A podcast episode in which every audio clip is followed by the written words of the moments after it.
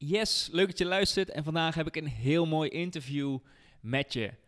Namelijk een ondernemer die van uurtje factuurtje naar schaalbare online business is gegaan. Nee, even zonder dolle. Vandaag wat anders dan normaal, want ik heb namelijk een interview met mijzelf. Een paar weken geleden ben ik naar Jarno en Willem gegaan van de Vennootschap podcast. En zij hebben mij alles gevraagd over de stappen die ik heb gezet om van uurtje factuurtje naar online business te gaan. En ik vond het zo'n leuk gesprek. We hebben het over zoveel mooie onderwerpen gehad, dat ik dacht, dit is ook hele waardevolle content om te delen op mijn eigen podcastkanaal. En zo hier het interview. Dus ik zou zeggen, ga er lekker voor zitten.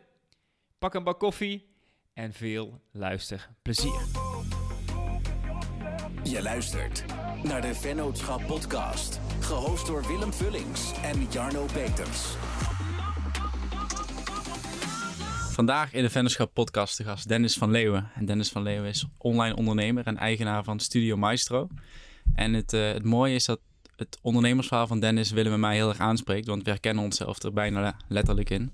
Um, Dennis heeft een tijd geleden ook, uh, een aantal jaar geleden, switch gemaakt van uurtje factuurtje met zijn eigen webdesignbureau naar een schaalbaar businessmodel en uh, heeft er ook een boek over geschreven. Dus daar willen wij vandaag uh, alles over te weten komen. Dus welkom Dennis. Ja, superleuk. Ik kijk ernaar uit om met jullie in gesprek te gaan. Wil je eens kort even vertellen wat je, wie je bent en wat je nu doet?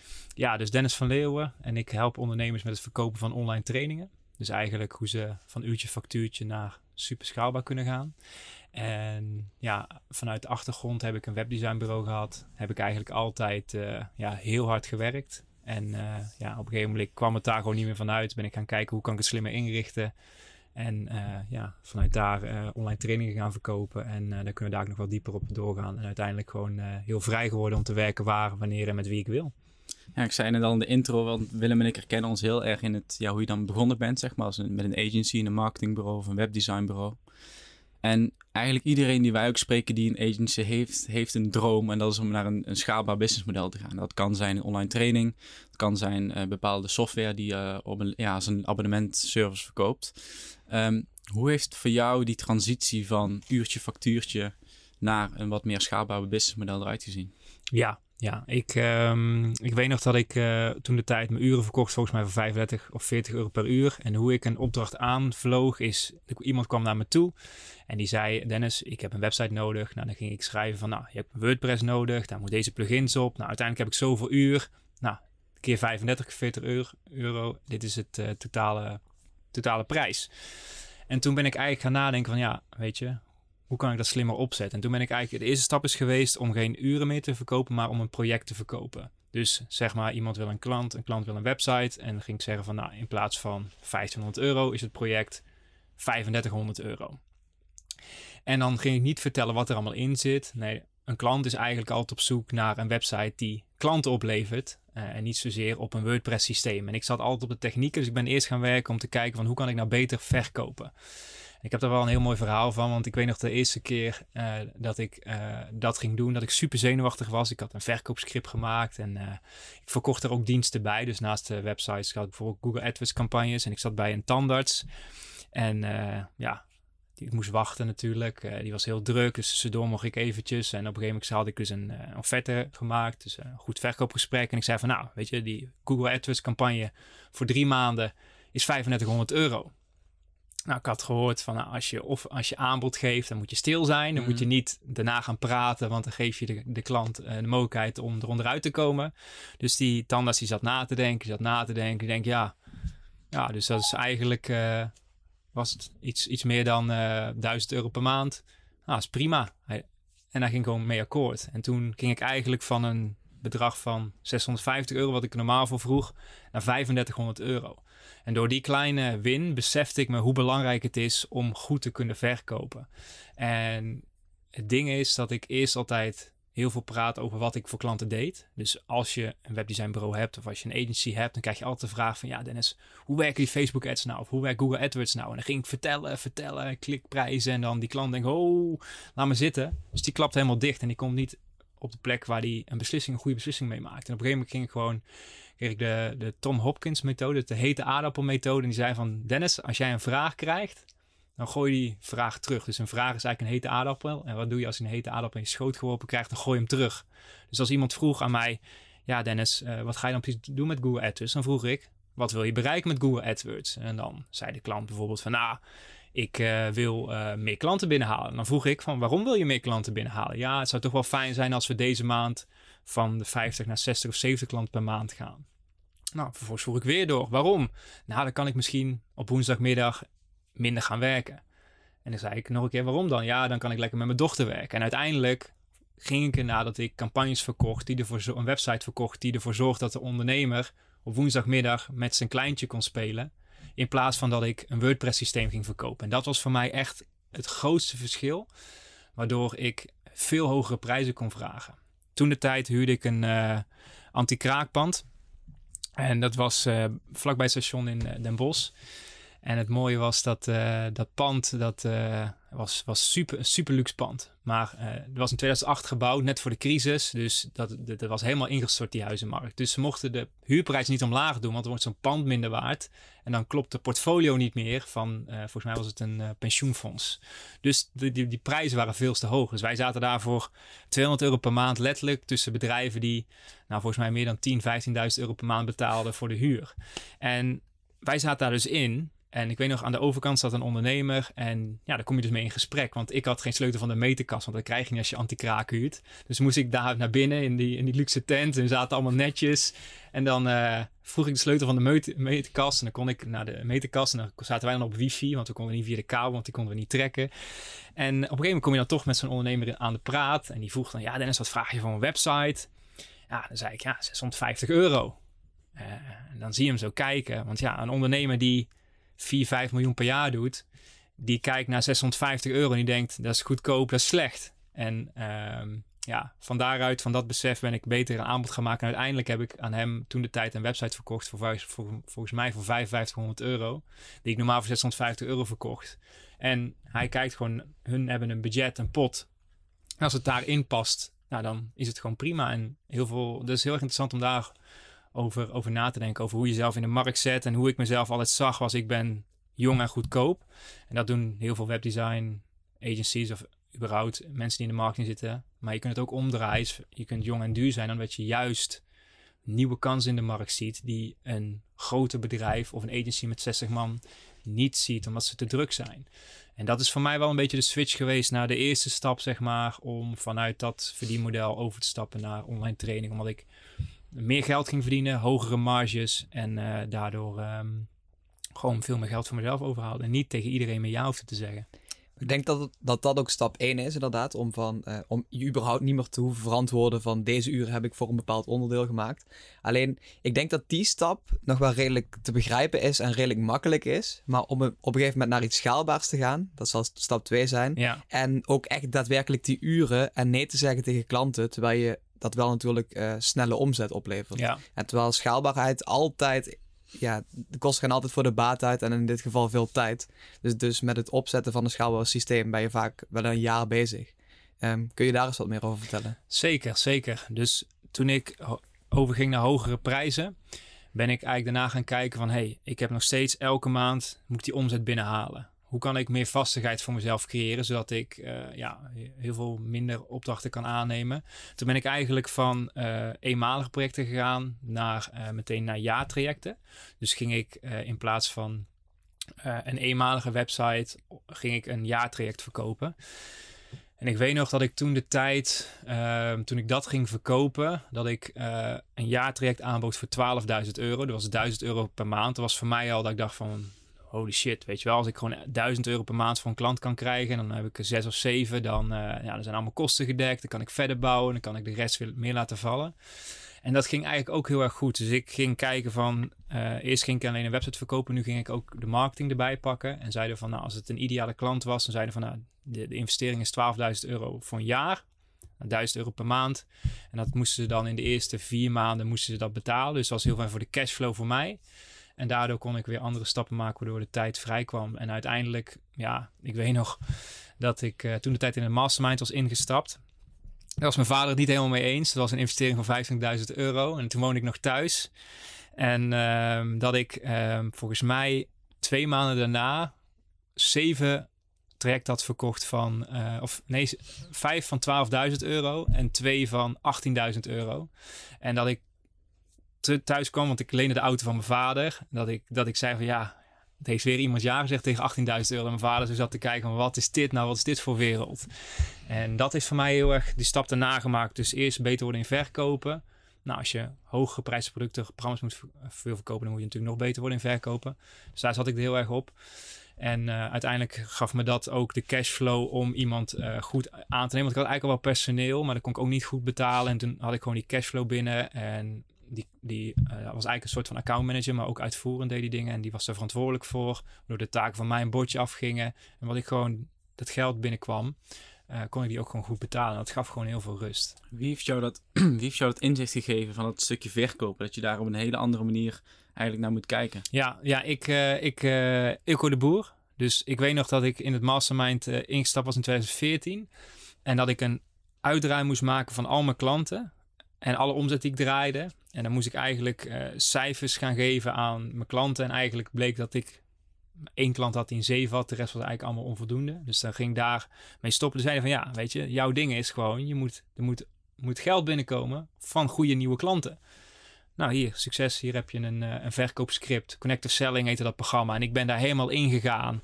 En ehm, ik had altijd de overtuiging dat ik niet kon verkopen. Maar ja, het probleem was gewoon dat ik altijd aan het vertellen was. Nou, zoals je hoort, ik heb daar geen probleem mee. en ehm, dat zoals, zo gingen de verkoopgesprekken ook. Dus de verkoopgesprekken gingen vanuit, meer vanuit mij. Maar de klant was heette aan het woord. En toen ik merkte dat dat zo'n grote impact heeft, ben ik daar alleen nog maar meer op gaan, eh, gaan verdiepen. En hetzelfde geldt natuurlijk ook voor copywriting.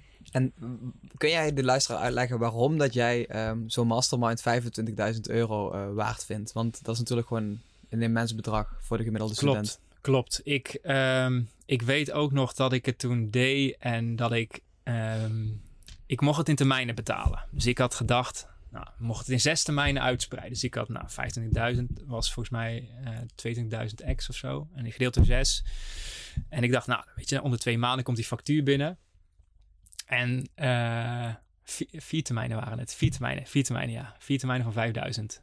En, ehm, en dan nog een inschrijfkosten, inschrijfkosten, maar dat maakt dan verder niet uit. Maar ik denk, nou, over drie maanden komt de volgende factuur. en toen kwam dan maand één die volgende factuur al. Dus ik had alleen periode één eigenlijk op mijn rekening staan. En ik ben daar best wel eh, ja, blind ingedoken. Maar op een of andere manier ehm, ja, voelde ik gewoon van... Hey, ik moet die stap maken. Ik, was, eh, ik ben begonnen toen ik ondernemer was toen ik 18 was. En ik heb eigenlijk nooit echt mensen om me gehad die ondernemers waren. Mijn ouders zijn... Ja, mijn vader zit in het leger, mijn moeder in de zorg. Die zijn zo veilig als het maar zijn kan. Daar heb ik superveel van geleerd. Maar voor sommige dingen moet je toch echt eh, ergens anders eh, buiten de deur halen.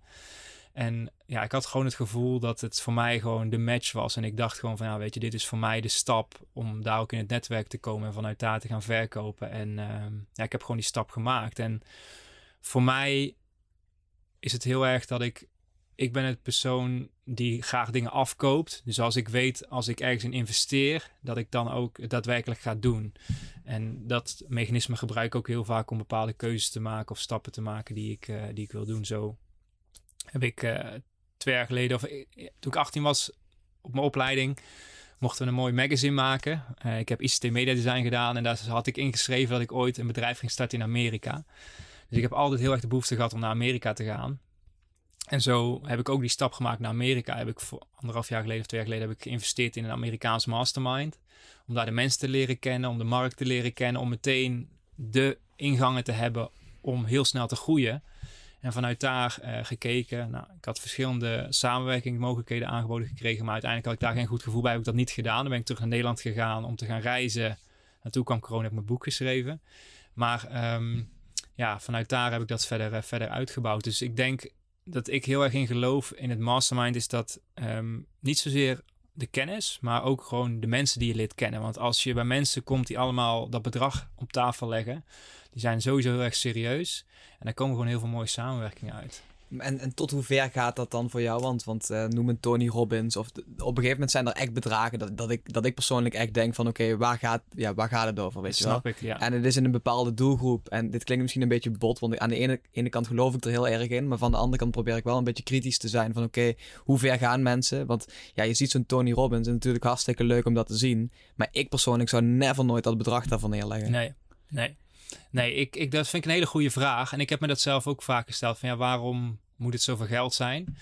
Ehm, ja, ik heb het zo ervaren dat het iets met mij doet als ik zoveel geld investeer. Weet je, if you don't pay, you don't pay attention. En ik geloof daar heel erg in. Ehm, maar het moet ook passen bij de fase waar je in zit, denk ik. En nu zou ik die investering niet maken zoals ik toen had gemaakt. Toen had ik uh, geen huur, ik woonde bij mijn ouders, ik had geen kinderen. Uh, weet je, ik had niks te verliezen. Uh, eigenlijk ook weer wel wat natuurlijk, maar um, relatief weinig. Kijk, nu zou ik niet meer zo'n groot risico nemen als toen. Ja. Waar, um, waar selecteer je zo'n mastermind op? Want er zijn er steeds meer, steeds meer ja. komen erbij. Um, je hebt enorme variatie in prijzen, in welke mensen in welke ja. groep zitten. Nou, je geeft aan, je hebt die bij Ilke, Ilke de Boer gevolgd, enorm bekend in Nederland, maar daarna ben je naar Amerika gegaan. Waar heb jij die twee keuzes van masterminds op gebaseerd? Ja, en daarmee ben ik, dat is ook uh, een goede vraag, ik ben daarmee uh, een beetje nat gegaan. In, Amerika, in Nederland was dat juist een goede keuze, want ik ben gegaan voor Ilko. Mm -hmm. En Ilko was best wel veel betrokken erbij. En in Amerika bij Stu McLaren heb ik ingestapt. Uh, heb, ik niet, heb ik allebei niet echt gekeken naar de mensen die erin zaten. Want ik denk, dit trekt wel de juiste groep aan. Maar Stu die heeft eigenlijk een beetje twee kanten. Een beetje de... Um, hij heeft echt een marketing, extreme marketingkant. Maar ook een beetje... Um, ja, laten we het zo zeggen, uh, vrouwen tussen de 40 en 55, zeg maar, die een business opzetten waar ik niet echt zozeer een klik mee heb. En die trekt hij ook gewoon super veel aan. Dat wist ik eigenlijk al, want ik ben op zijn event geweest. Maar toch, die marketingkant van hem trok mij heel erg.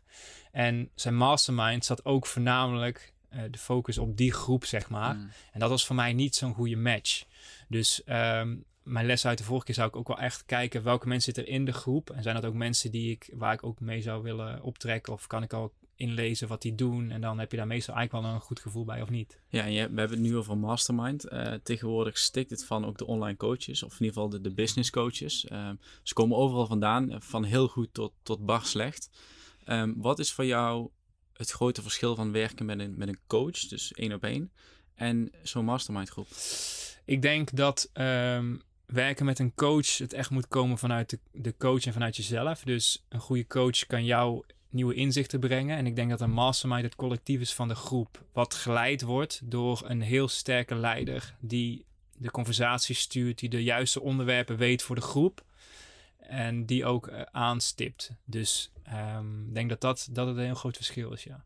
En als we het dan toch over die, uh, die online coaches hebben, hoe kijk jij naar die ontwikkeling van de laatste ja. jaren binnen Nederland dan? Ja, ja. Um, ik heb natuurlijk ook heel veel uh, coaches in mijn programma zitten.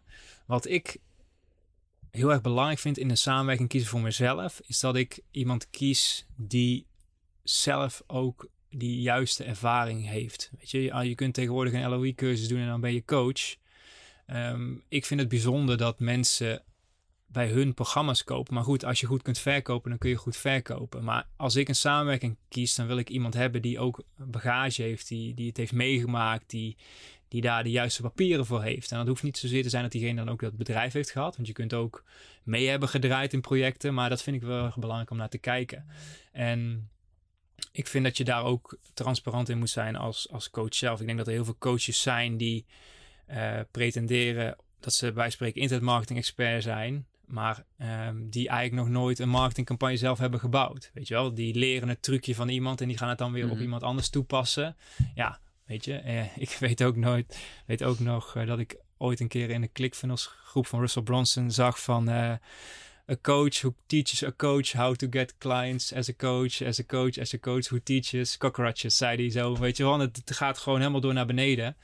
En ik denk dat je daar wel voor moet waken, ook zelf. Um, als je jezelf ook in de, de, de business coach hoek zet, dat je er ook over kunt nadenken van hey, wat is nou mijn expertise of wat is nou mijn specialistische ding. Want iedereen heeft wel iets waar hij heel erg goed in is, maar ja, het is, ik vind het wel belangrijk dat je dat goed vermeldt. Ja, inderdaad. En, en als, je, als je het echt over Instagram zelf hebt, zeg maar, um, merk ik uh, dat er heel veel verschil in zit tussen echt gekwalificeerde. Ik vind bijvoorbeeld, ik ben gewoon heel erg fan van Tony Lobach. Uh, voor ja. de podcast al even over gehad. Ik denk dat we gewoon echt heel veel waarde leveren. Als, ook, als ik ook zijn podcast luister, dan denk ik echt psychologie van succes. Dan denk ik echt van ja, dat is gewoon fantastisch wat we elke keer weer brengen.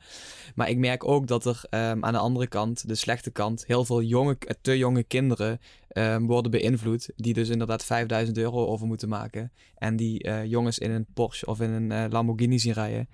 En ehm, ja, ik, ik denk dat dat beeld, dat dat heel vertekend is. En Klopt. er worden doelen ehm, gesteld die nooit gehaald kunnen worden. Hoe kijk Nee. jij daar tegenaan? Ja, kijk, ehm, ik denk dat, dat het gewoon echt extreem goede marketeers zijn. En ehm, kijk, de, de technieken die we allemaal moeten toepassen of willen toepassen om iemand te laten kopen, eh, ja, kun je op een ethische manier inzetten, maar ook op een niet-ethische manier. En ehm, ik snap heel goed waarom ze het doen, weet je, want die, ze beelden zo'n ideaal plaatje uit. Maar als je echt gaat kijken naar die levens van eh, die personen die dat dus pretenderen op social media, dan is het heel erg interessant om te kijken. ehm dus iets van de laatste twee, drie jaar, hè? Ja. Ik zat daarvoor, zat ik al in deze markt, is dat ze heel snel komen en dat het echt als een, als een, als een met een treinvaart gaan. En dat ze, als je kijkt wat ze nu doen, is dat ze toch wel denken van, hé, hey, weet je, is dit wel helemaal juist? Of ze zijn toch een beetje een shift aan het maken in de manier waarop ze communiceren. Of ze willen toch niet gezien worden als die Lambo guy. En Ja. dat vind ik wel heel interessant. Ja, het interessante wat ik ook, ook vind, is dat ze, ze zijn ergens specialisten in. En vaak is het dropshipping. Eh, dropshipping heeft daardoor ook echt een hele slechte naam gekregen. Maar uiteindelijk denk ik zeg maar, dat de meeste omzet van hun eh, komt dus uit die kin- kinderen. En dat zijn vaak echt jonge kinderen die Ja. dus nog niet eens die keuze kunnen maken. En die dus eigenlijk al een beetje worden beïnvloed van oké, stop met school. En eh, ga, ga een jaar aan de slag en koop een Lamborghini. En ja, Ja. die strategie die, die staat me echt totaal niet aan. Daar kan ik gewoon echt, kan ik gewoon echt heel slecht tegen. Ja, ik, ehm, ik vind het, ik vind ook, ik, eh, ik, ik vind het, ik vind het wel mooi om te kijken hoe ze dat marketingtechnisch doen. Want ik zou het nooit op die manier doen. En de IMU zou daar, staat er ook helemaal tegenover, tegenovergesteld. Maar ehm, ja, het is, een, het is een interessante wereld. Laten we het daarop houden. ja. Als, mensen die luisteren, eh, misschien nog wat, wat, jongere, wat jongere studenten bijvoorbeeld, die, eh, die deze podcast luisteren. En die hebben een beetje die drang van, ah, misschien moet ik dat ook gaan doen. Misschien moet ik een dropshipping cursus gaan volgen of een, eh, eh, iets met beleggen of weet ik veel wat. Hoe, hoe zou jij hun adviseren om er doorheen te kunnen prikken van, hey, is zo iemand betrouwbaar? Wil ik daar een soort van les van krijgen of is diegene eigenlijk niet te vertrouwen? Ja, ik geloof niet in snel rijk worden met al die cursussen wat gepretendeerd wordt. Ik geloof dat het gewoon hard werken is en dat je, dat je ergens goed in moet worden. En dat je, dat je goede producten moet hebben. En ja, kijk, ehm, dropshippen kan best als je goede producten hebt natuurlijk. Maar niet eh, die spullen van AliExpress met, eh, waar je super lang op moet wachten. Dus ik denk dat het gewoon heel erg belangrijk is om dicht bij jezelf te blijven. Eh, echt iets moois, iets moois neerzetten waar je trots op bent. En vanuit daar het verder uit te bouwen. Ja, want ik, ik merk ook, ook tussen Willem en mij. ehm, ik, ik ben wel meer. Ik volg zelf heel veel online cursussen, online trainingen op heel veel verschillende gebieden. En ik merk ook dat wij daar anders over denken. Want ik, ik geloof er wel in en ik heb er ook veel aan gehad, zeg maar, nog steeds.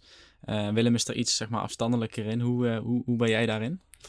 Volg je zelf veel cursussen, bijvoorbeeld trainingen? Nee, ik, ehm, ik heb echt een zwak voor online marketing. Dus eh, ik luister bijna geen podcast, bijna geen. Ik doe eigenlijk geen cursussen, omdat ik ja, dan gewoon van links naar rechts vlieg. Dus ik bescherm mezelf echt. Maar het heeft mij ook gewoon heel erg geholpen. En juist bijvoorbeeld het onderwerp sales, want vaak gaat het natuurlijk ook over sales, is ik kwam uit de omgeving bij mijn ouders. ehm, daar heb ik dat helemaal niet meegekregen. Weet je, bij mijn ouders was het altijd met geld maak je geld. Echt precies alle geldclichés, die komen bij mijn ouders thuis. Dat is helemaal prima, want eh, dat is ook de vraag die ze mij hebben gesteld van Dennis. Als je naar jouw opvoeding kijkt, wat zou je dan anders, eh, zou je dan willen dat, je, dat we anders hadden gaan? Ik zeg nou, om mij bij te brengen hoe geld werkt. Weet je, want ik kwam natuurlijk in dat mastermind en ik kwam in een andere omgeving en ik zag wat die ondernemers deden en met geld en er ging gewoon een wereld voor me open. En als ik geen keuzes had gevolgd, dan had ik dat niet op die manier geleerd, denk ik. En toen de tijd ja, was dat nog niet echt met YouTube. YouTube is natuurlijk wel tegenwoordig eh, ook veel meer op dat vlak. Ehm, maar ik vind het gewoon heel erg fijn om ergens voor te kiezen. In visie te geloven van de, de trainer die mij meeneemt. En daar volledig voor te gaan. En me over te geven om dat te implementeren. En als ik dat niet heb. En bijvoorbeeld gratis dingen doe. Of op verschillende ja, dingen consumeer. Dan, dan kan ik niet naar die visie toe werken of zo. Wanneer heb jij die shift kunnen maken? Want je geeft wel aan, enerzijds heb ik dat vroeger veel gedaan om zeg maar, skills te ontwikkelen. Bijvoorbeeld sales, maar misschien ook eh, wat Facebook ads.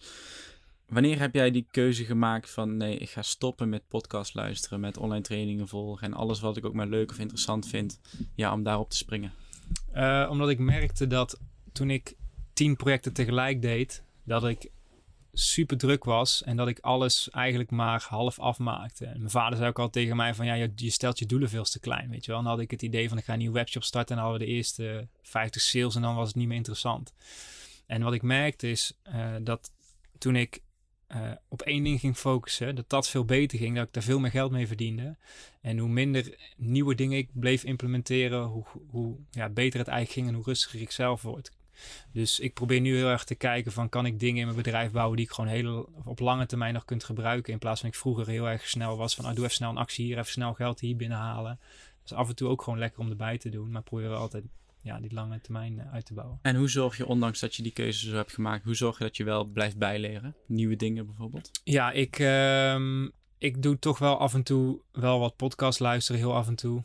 Uh, maar ja, als het er één of twee per maand zijn, is, is het veel. Uh, maar ja, eigenlijk, eigenlijk doe ik de laatste tijd gewoon heel weinig nieuwe dingen leren. En uh, ja, ik heb, ik heb super veel trainingen gevolgd. En ik denk, ik heb nu ook het gevoel van, weet je, het is voor mij nu om dit nog verder te implementeren, zeker in de Nederlandse markt. Ik heb natuurlijk recentelijk uh, de switch gemaakt om meer van Facebook marketing naar online trainingen toe te gaan. Ook omdat ik in Amerika zoiets had van, nou, dat Facebook Messenger verhaal, dat wordt gewoon niet mijn ding. En wat al die Amerikanen tegen mij zeiden is van, oh man, ik zou willen dat er een Nederlandse markt was voor ons. Want ze zeiden allemaal, we moeten elke dag aan zijn. We moeten elke dag, als iemand anders, als wij niet vandaag aan zijn, dan wordt het iemand anders die komt met de nieuwste updates en dan gaan ze daarheen.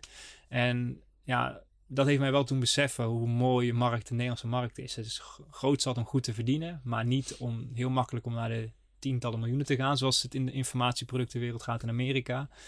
Maar je kunt wel echt een business bouwen op basis van je eigen, eigen normen en waarden. Hoe verklaar je dat ja, cultuur of werkverschil tussen Amerika en Nederland in, die, in dat voorbeeld wat je net gaf? Um, ja, goede vraag. Um, ik denk dat ze het daar gewoon allemaal doen. Ik, ik weet het ook niet. Ik, ik, weet ook, ik weet nog dat ik op een de eerste mastermind meeting ging. En ik had, uh, we hadden dus wel grappig, ze hadden team Airbnb en team hotel. Dus team hotel, die ging allemaal in een hotel zitten. Een beetje uh, introvert.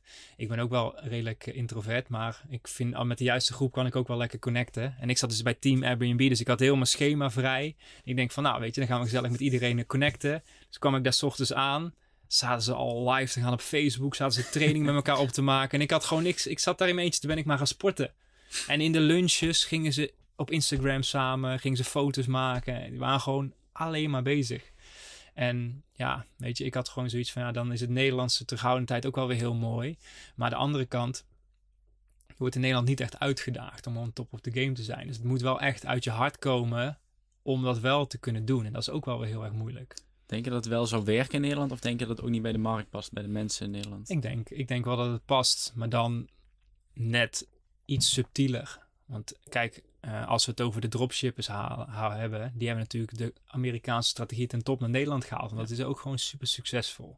Dus ik denk wel dat, ik denk wel dat het kan werken met een klein beetje, klein beetje twist eraan dat het in Nederland past. Ja. Hey, je gaf net al aan, je, bent, uh, je hebt eigenlijk de switch gemaakt van Facebook advertising naar uh, online trainingen. Daar heb je ook het boek over geschreven waar, waar, we het in het begin over hadden. Super schaalbaar. Kun je eens uitleggen hoe dat boek tot stand is gekomen? Ja, dat is wel leuk. Ik had eigenlijk al vijf jaar op mijn lijst staan dat ik ooit een keer een boek wilde schrijven.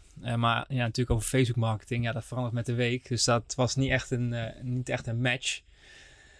En vorig jaar zaten wij in Kaapstad. Dus uh, we hadden zoiets van, nou, we willen... Toen ik uit mijn mastermind kwam in Amerika, hadden we zoiets van, nou, weet je, we willen nog meer reizen. Want voordat Amy, die is nou anderhalf, voordat ze vier is, willen we nog veel reizen. Iedereen die ik ken zegt van, ga nu, want straks zit je in het systeem. Ja. Hoeft natuurlijk niet, maar ja, het is wel het makkelijkst. Dus toen hadden we zoiets van, nou, toen zaten we in Kaapstad en daarna zouden we naar Bali gaan. En eh, toen wij drie weken in Kaapstad zaten, toen kwam dat bericht van dat iedereen naar huis moest komen. Wij waren daar twee dagen daarvoor, waren we al naar huis gegaan. Omdat ik me al had geresearched en allemaal berichtjes naar mijn moeder stuurde van... Uh, moet je zien wat er allemaal in Italië aan gebeuren is. Nederland had het helemaal nog niet door. Die dacht allemaal van, ja, dat valt allemaal wel mee. Uh, ja, we waren naar carnaval aan het vieren hier. Ja, precies. En volgens mij, uh, ja, inderdaad. En uh, toen zijn we naar huis gegaan. En toen was dus mijn agenda leeg. En toen dacht ik van ja, wat kan ik nou komende periode maken? Dacht ik van nou weet je, nu is het mooie moment om een boek te schrijven. Dus ik heb er een half jaar aan gewerkt. Het boek zelf uh, heb ik, uh, ik heb een ghostwriter gevonden. Omdat ik gewoon heel erg aanhikte tegen het schrijven van een boek. Ik weet niet waarom. Ik schrijf superveel, maar op een of andere manier is er toch iets tussen de oren. Dus die eh, heeft één hoofdstuk gemaakt. Dat heb ik goedgekeurd. Toen zei ik van nou, doe alles maar. Achteraf zou ik per hoofdstuk doen. Niet in één keer heel het boek. En toen eh, heb ik dat script gekregen. En dan ben ik eigenlijk elke dag gaan verbeteren, gaan upgraden. En ehm, uiteindelijk heb ik daar een versie van gemaakt. Nou, die heb jij natuurlijk ook nog, uh, Jan heeft natuurlijk ook nog uh, gecheckt. Toen zijn we met elkaar in contact gekomen. En uh, toen daarna is die gepubliceerd. Dus um, ja, uiteindelijk is het gewoon echt super vet om een eigen boek te hebben. En het is ook heel erg mooi om te zien wat er ook qua spin-off al uitkomt. Ik krijg een hele nieuwe soort klant binnen. Dat is natuurlijk ook logisch, want mensen die lezen zijn andere mensen dan die bijvoorbeeld webinars volgen. Ik doe heel veel met webinars of uh, met, met, met lanceringen of trainingen, dus dat is wel heel erg leuk. Dus uh, toen hebben we dus uh, de eerste versie gemaakt. mensen hebben het gecontroleerd. heb ik weer upgrades gemaakt. En um, ja, qua inhoud van het boek heb ik dus gewoon ja, mijn training, dus mijn eigen training, uh, mijn eerste programma, Kickstart Business Online, die hebben ze hebben eigenlijk vertaald naar vijf stappen in het boek. En dat zijn we gaan uitwerken met stories erbij, case studies en zo is eigenlijk het boek tot stand gekomen. En het boek leert eigenlijk ondernemers om zelf een online training ja, ja, te maken. Ja, zeker. En uh, het mooie is dat um, wij, wij grappen wel eens tegen elkaar van ja, als mensen nou gewoon eens even de dingen doen die wij vertellen in de online training. Hè? Want ondernemers zijn eigenwijs en die hebben altijd wel zoiets van ja, maar ik doe dit toch zo. Want deze maand ben ik voor het eerst dan met een uh, bedrijf gaan samenwerken. En hebben letterlijk alles wat in het boek staat geïmplementeerd. Mhm. Dat bedrijf is dus vorige maand begonnen. En ik ben die actief één op één aan het coachen. En we zitten nu deze maand op 8000 euro omzet. Uh, deze maand en we gaan waarschijnlijk naar 12,5 tot 15k. In de informatieproducten met een nieuw bedrijf. We hebben al bij, ik denk dat we op 1000 klanten uitkomen. Ja, dat is gewoon zo vet om dat ook daadwerkelijk te implementeren. En uh, ja, dat, ik, vind dat gewoon, ik vind dat gewoon geweldig. Ik, ik vind het leuk dat je zegt van waarom doen mensen het niet gewoon? Ik heb zelf ook, uh, zoals je weet, een tijd in die fase gezeten van ja, oké, online training, dat is, dat is echt iets van mij. Dat, dat ligt me helemaal, dat ga ik doen. Heel lang over nagedacht, ook wel dingen uitgewerkt en, uh, en, en alvast wat, ja, wat landingspagina's gewoon online gezet. Alleen bij mij persoonlijk was het grootste bezwaar altijd van ik was toen, zal het zijn, 20, 21, broekie. Uh, het grootste persoonlijke bezwaar wat ik had was van ja, maar wat heb ik als twintigjarige dan de wereld mede te delen of te leren, zeg maar. Ik denk dat dat misschien wel een, een argument is wat je vaker hoort. Hoe, kijk je daar zelf naar? Ja, ik denk dat je jezelf onderschat. Uh, zeker als je op die leeftijd al, uh, al met de projecten bezig bent die je nu doet en wat je al hebt bereikt, denk ik dat je daar best wel voor mag gaan instaan en je meer als, als leider mag gaan opstellen, zeg maar. En um, ja, dat, ik, weet, ik weet natuurlijk niet voor iedereen hoe die in de situatie zit. Maar als jij fulltime bezig bent met dat onderwerp uh, dan kun en je kunt er mensen mee helpen, ja, waarom niet, zeg maar. Hè? En daarin ook weer het ethische stuk van, hey, ben je er klaar voor of niet, weet je. En als je nog niet het gevoel hebt dat je het kunt, ga dan gewoon eens gratis werken. En als je vette resultaten hebt, bouw case studies uit, maak vette case studies op je website en ga er dan geld voor vragen. Weet je, dat is de makkelijkste manier, dat is win-win. Uh, en dan ik zeg ook altijd van, nou, weet je, de eerste versie van je online training, maak die met, uh, maak die met je eerste groep klanten. Bijvoorbeeld, jij hebt heel lang getwijfeld om het te lanceren. Mm -hmm. Je hebt het uiteindelijk niet gelanceerd. Nee. Is hoe mooi was het geweest als jij een groep had verzameld van vijf of tien van jouw ideale klanten, die allemaal een introductieprijs betalen, of gratis. Introductieprijs kan ook, als het ook heel goedkoop is. Um, en ga het dan met hun ontwikkelen als je in die situatie zit, als je twijfelt. En dan kun je feedback krijgen, kun je presentaties geven en dan kun je ze heel erg helpen. En dan zou je bijvoorbeeld gewoon een training kunnen maken van zes Zoom-sessies voor 97 euro bij wijze van spreken. Het gaat er maar om dat je wel betaald wordt dan, zodat mensen ook komen opdagen. En dan kun je nou, die training geven van zes weken. Nou, daarna kun je uh, nog een keer zo'n traject doen, kun je de prijs omhoog doen, kun je alle feedback verwerken en dan kun je het opnemen. En dan ja, doe je dat pas in een later stadium. Want heel, ik zie dat heel veel ondernemers zo'n gevoel hebben van, oh, zo'n online training maken kost zoveel Mhm. tijd. Terwijl het eigenlijk zo makkelijk is als wat we nu hier aan het doen zijn. Weet je, als wij nu zes onderwerpen zouden kunnen eh, bepalen over online training en zou mij daarover ondervragen, weet ik zeker dat wij een super waardevolle training kunnen maken met deze podcast.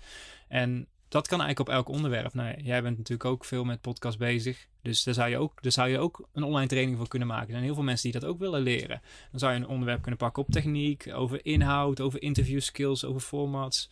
En dan daarna ga je het verder optimaliseren. En dan heb je ook bewijs dat het werkt. En dan heb je niet al die tijd weggegooid in de voorbereiding. Ja, dus dan ga je eigenlijk gewoon heel vroeg in het project, in het proces ga je op zoek naar validatie. Dus als je dus eh, voor, een, voor een heel laag instapbedrag al een paar klanten hebt, dan weet je van oké, er is überhaupt vraag, dat is belangrijk. Ja, Maar dan kun je ook gewoon ja, heel stapsgewijs aan die training gaan werken voordat je in één keer een hele training moet, eh, moet Ja. lanceren. ja, ja, zeker. En nou, ik heb dan verschillende scripts om mensen daar aan eh, te krijgen dat ze daar ook willen instappen. Maar ik zeg wel altijd, probeer dan wel een klein bedrag te krijgen. En als je misschien één op één werkt, dan heb je er zelf iets, iets meer controle over. Dan zou je wel kunnen zeggen van, nou weet je, ik doe dit deze periode nu gratis. En daarna eh, gaan we het evalueren. En dan eh, heb je ook carte blanche om er echt iets van te maken. En dan kun je kijken of het werkt.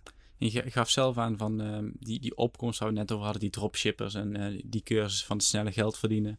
Dat is iets van de laatste twee, drie jaar. Jij zat al een stuk eerder in deze markt.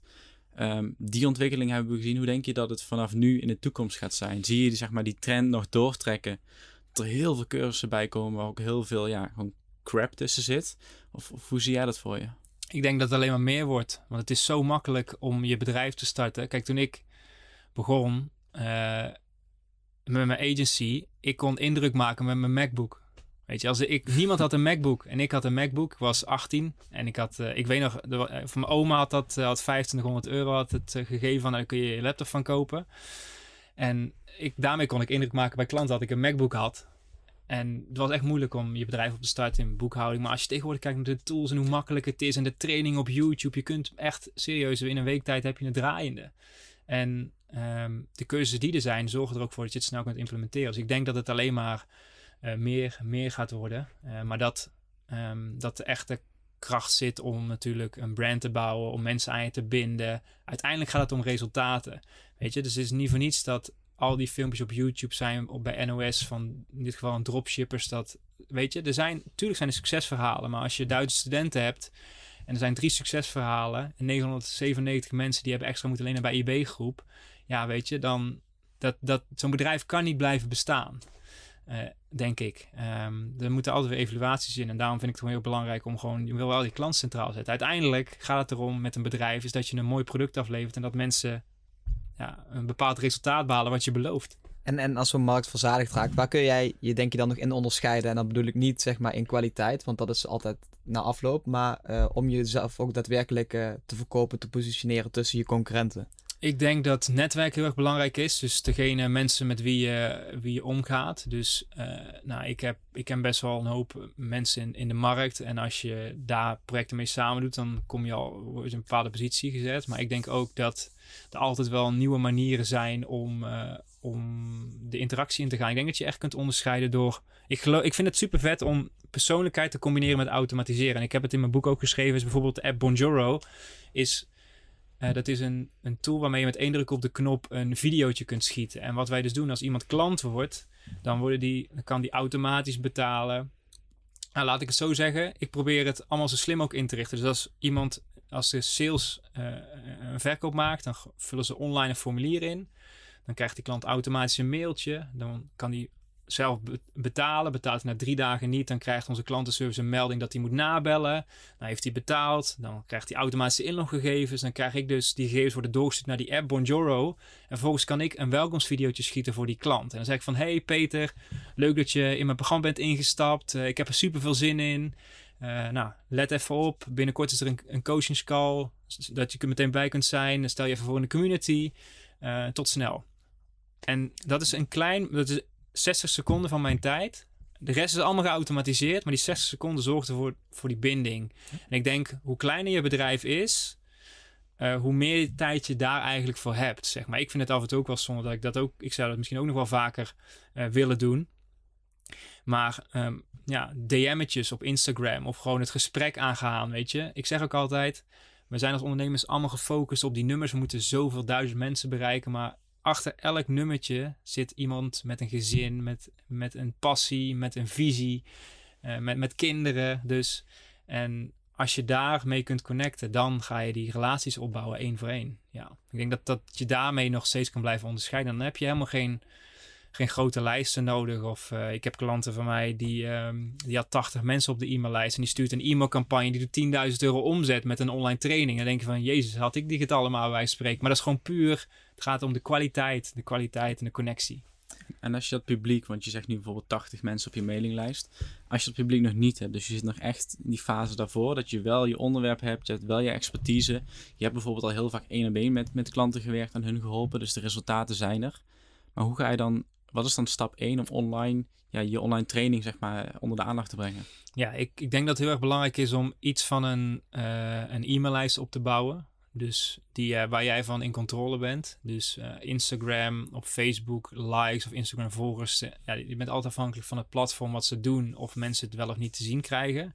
Dus ja, als je een groot YouTube kanaal hebt of Instagram kanaal, zou ik dat blijven dooropbouwen. Of als je het nog niet hebt, voor eentje kiezen.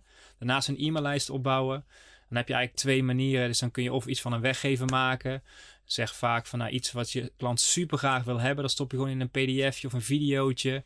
Ook hier zie ik ondernemers die twee maanden bezig zijn voor een weggever. Ga gewoon twee uur zitten, maak een checklist. Um, zorg wel voor de juiste copywriting, dus dat die super aantrekkelijk is. Dat een ondernemer, als hij aan het scrollen op social media, dat hij denkt van dit moet ik hebben of een klant dit moet ik hebben. Dan kun je in ruil doen voor naam en e-mailadres. Zo kun je database opbouwen. Dan daar start de reis en dan kun je nou, je podcast kunnen sturen of gewoon e-mailings. Gewoon lekker simpel houden. Neem mensen mee in de reis die je zelf aan het maken bent. Uh, dingen die je bij klanten tegenkomt. Deel dat gewoon en bouw iets van een actie een lancering, lanceerdag. En waar ik nu dan de laatste tijd veel mee bezig ben, is in plaats van uh, weggevers um, lage prijzen producten verkopen. Dus uh, die nieuwe samenwerking die ik nu heb gestart, dat is ook een lage prijsproduct. Dus we hebben nu volgens mij 700 mensen op de e-maillijst staan. Dat zijn allemaal mensen die geld hebben betaald. En ik zie ook dat er een verschil is tussen mensen die op weggevers afkomen of de mensen mhm. die hun pinpas hebben getrokken. Ook al is het maar 5 euro. Uh, dat deel, daar ben ik nu mee bezig. En uh, ja, dat zou misschien een, een, een, upgrade zijn van mijn boek, want dat heb ik nog niet in mijn boek uh, verwerkt. Um, maar daar geloof ik ook in dat je die twee kanten op kunt gaan. Dus, en je kunt ook gewoon een, lage prijs te training maken over jouw onderwerp. En daarin is het gewoon heel erg belangrijk om een onweerstaanbaar aanbod te maken. Dus maak gewoon een training, stop er vijf super waardevolle bonussen bij en verkoop het voor 5 euro. En het is zo, mensen hebben altijd behoefte, behoefte om uh, hulp te krijgen bij de implementatie. Dus je kunt de mensen, ik las het volgens mij, hoe ging het ook weer? Uh, je, mensen eh, je kunt de mensen de ingrediënten geven, maar ze hebben nog steeds hulp nodig om het te koken. En um, ja, dus zo kun je je eigen programma's ook inrichten. Kennis op zich is niks meer tegenwoordig, maar de juiste focus ja. en met de implementatie, dat is wat resultaat gaat geven. we hebben vorige week natuurlijk met een uh, hypotheekadviseur gezeten.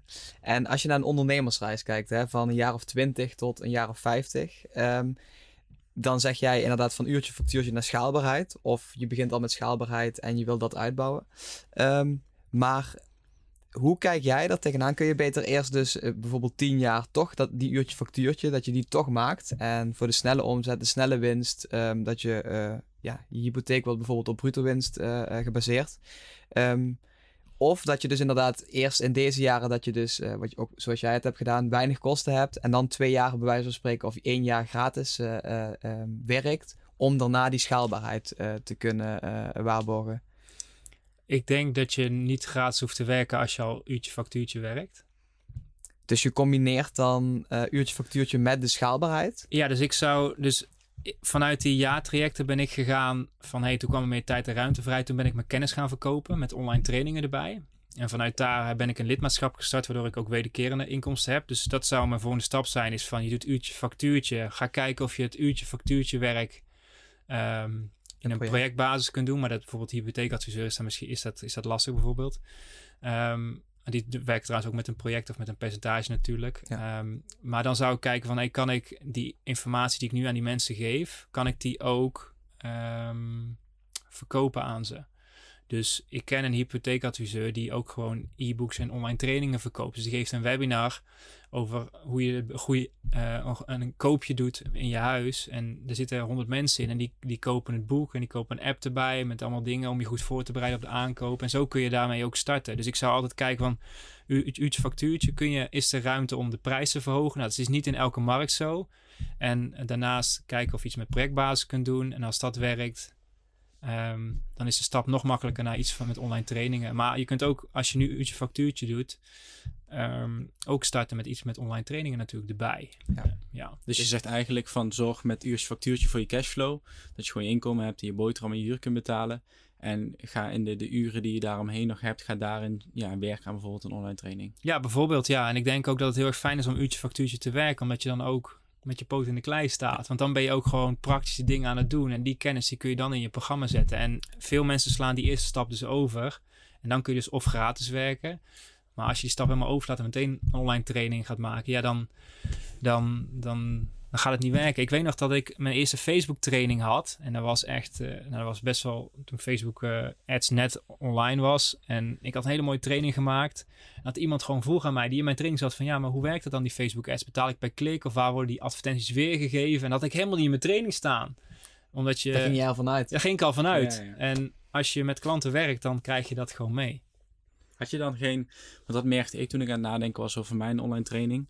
Ehm dan ging ik kijken naar mijn huidige klanten. Die, die help ik dan één op één. Of die hielp ik één op één.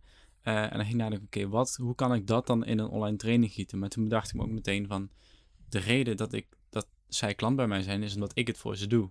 En daarin advies geef en eigenlijk zeg wat, wat ik nodig heb om het uit te voeren. Eh, terwijl als je een online training doet, dan ga je mensen eigenlijk dus leren om het zelf te doen. Maar is dat niet een heel ander type klant?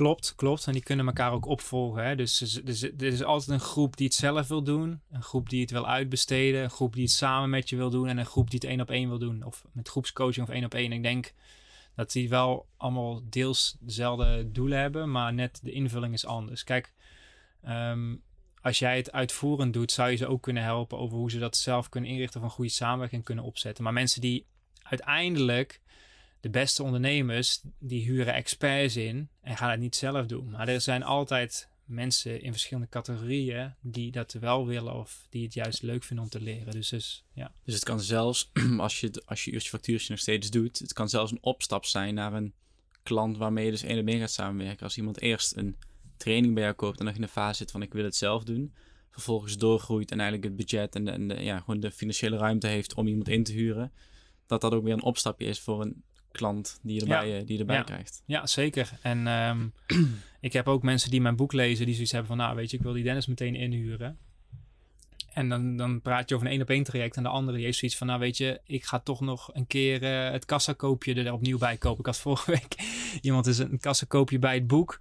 Het lanceerscript, die kun je eigenlijk niet loskopen. Die had op een of andere manier voor elkaar gekregen dat hij het, de, mijn boek uit de winkelwagen had gegooid. En dan later het lanceerscript bij had gekocht. ja, iedereen doet het toch op zijn eigen manier. En het is wel leuk, denk ik, als je iedereen aan de voorkant kunt meenemen en waarde kunt bieden en vervolgens de krent uit de pap kunt halen als je überhaupt wil samenwerken. Ik heb, ik heb drie, vier jaar lang helemaal niet één op één samengewerkt, omdat ik daar gewoon eventjes klaar mee was. Ik heb vanaf mijn achttiende altijd zoveel dingen gedaan. Ik dacht, nu is het eventjes tijd om iets meer op de achtergrond te gaan en eh, meer met online training te doen.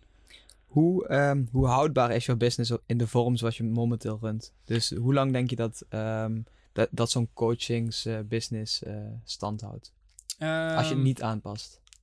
Goeie vraag. Ik denk dat, eh, ik denk dat coaches sowieso wel een houdbaarheidsdatum hebben. Ik denk dat je, eh, ja, dat je niet tien jaar lang bij dezelfde coach blijft zitten, omdat je ook doorgroeit en de interesses veranderen. Eh, het is natuurlijk ook qua verkoop klaarmaken van je bedrijf is ook niet echt ideaal, eh, een business zoals ik heb.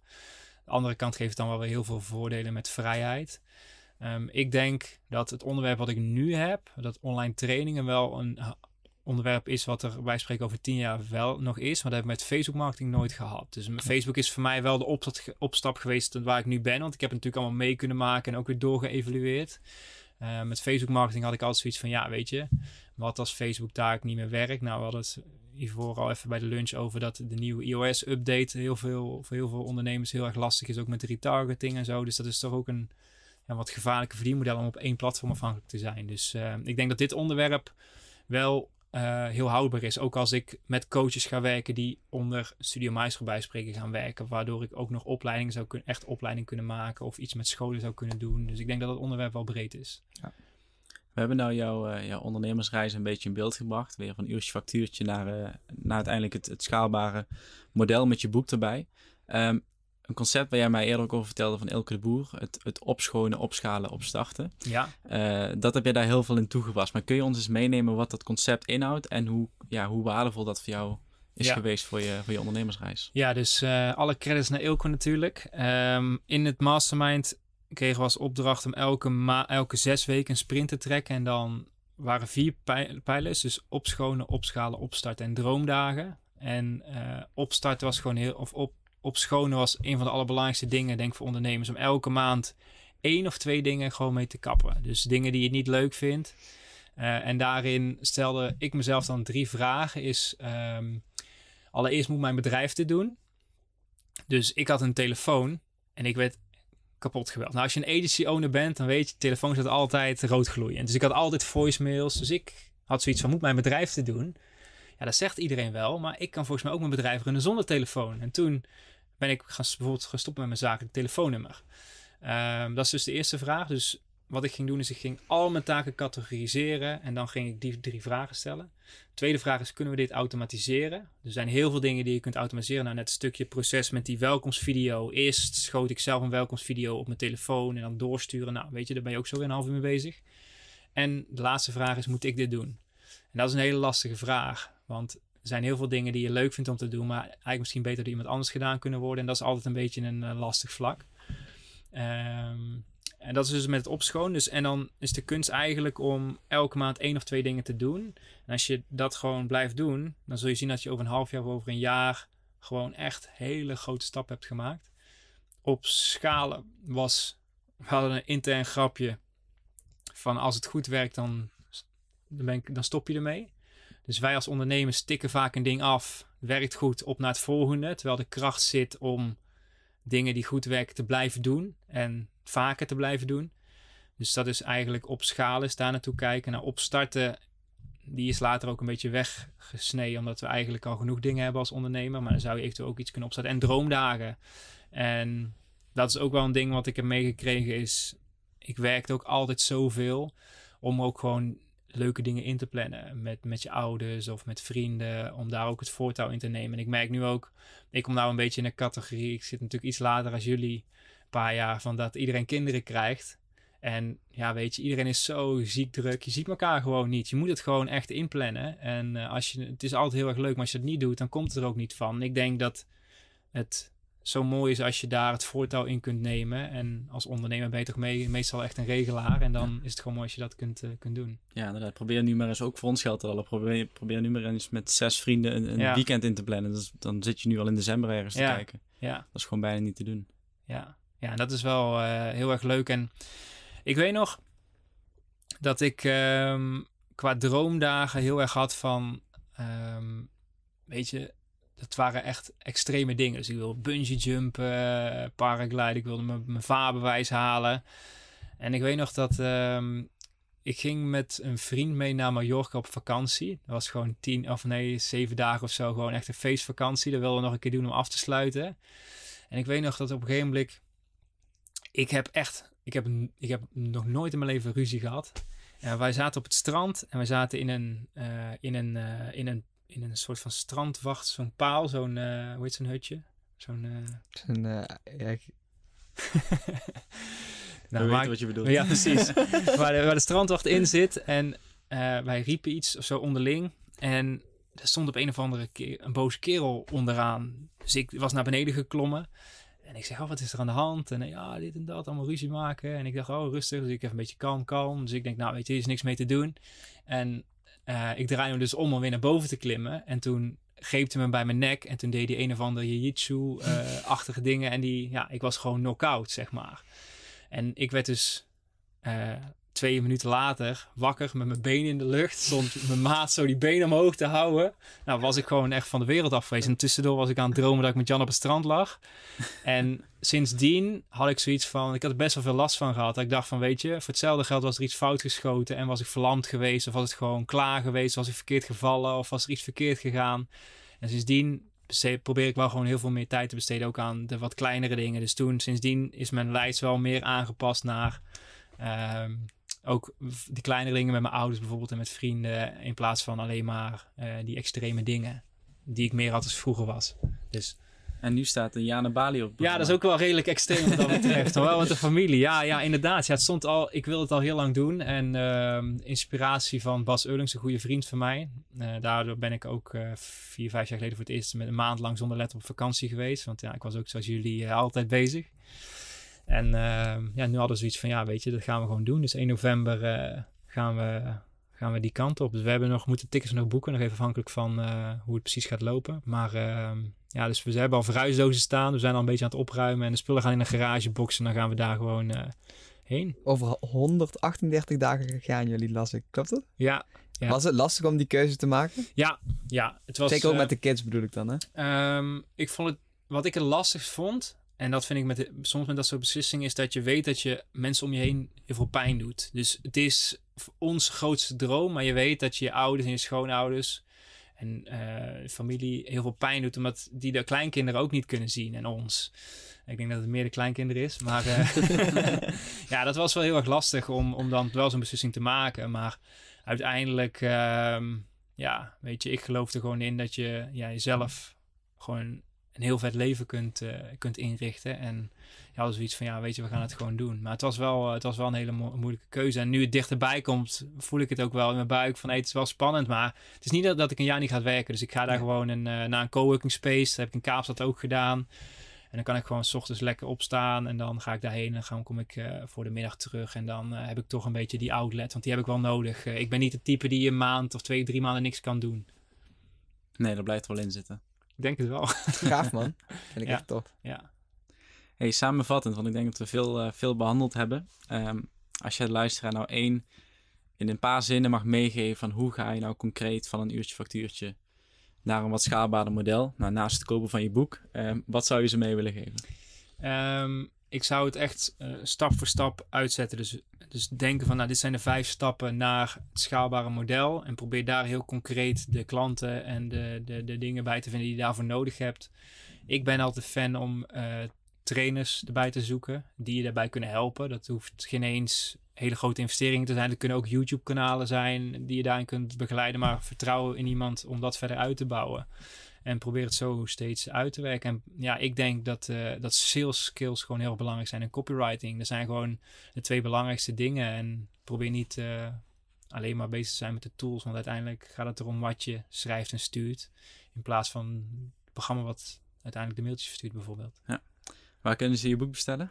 Ja, zeker op uh, superschaalbaar.nl. Dus uh, daar is het boek te vinden. Dus onbeperkt verkopen met online trainingen, cursussen en coaching. En daar ga ik ook dieper in over hoe je kunt ontsnappen uit de gevangenis van uurtje factuurtje. Top. Top man, dankjewel voor je komst. Ja, superleuk. Uh, bedankt. Bedankt voor het luisteren naar de Vennootschap podcast. En vergeet niet te abonneren op Spotify en Apple Podcasts.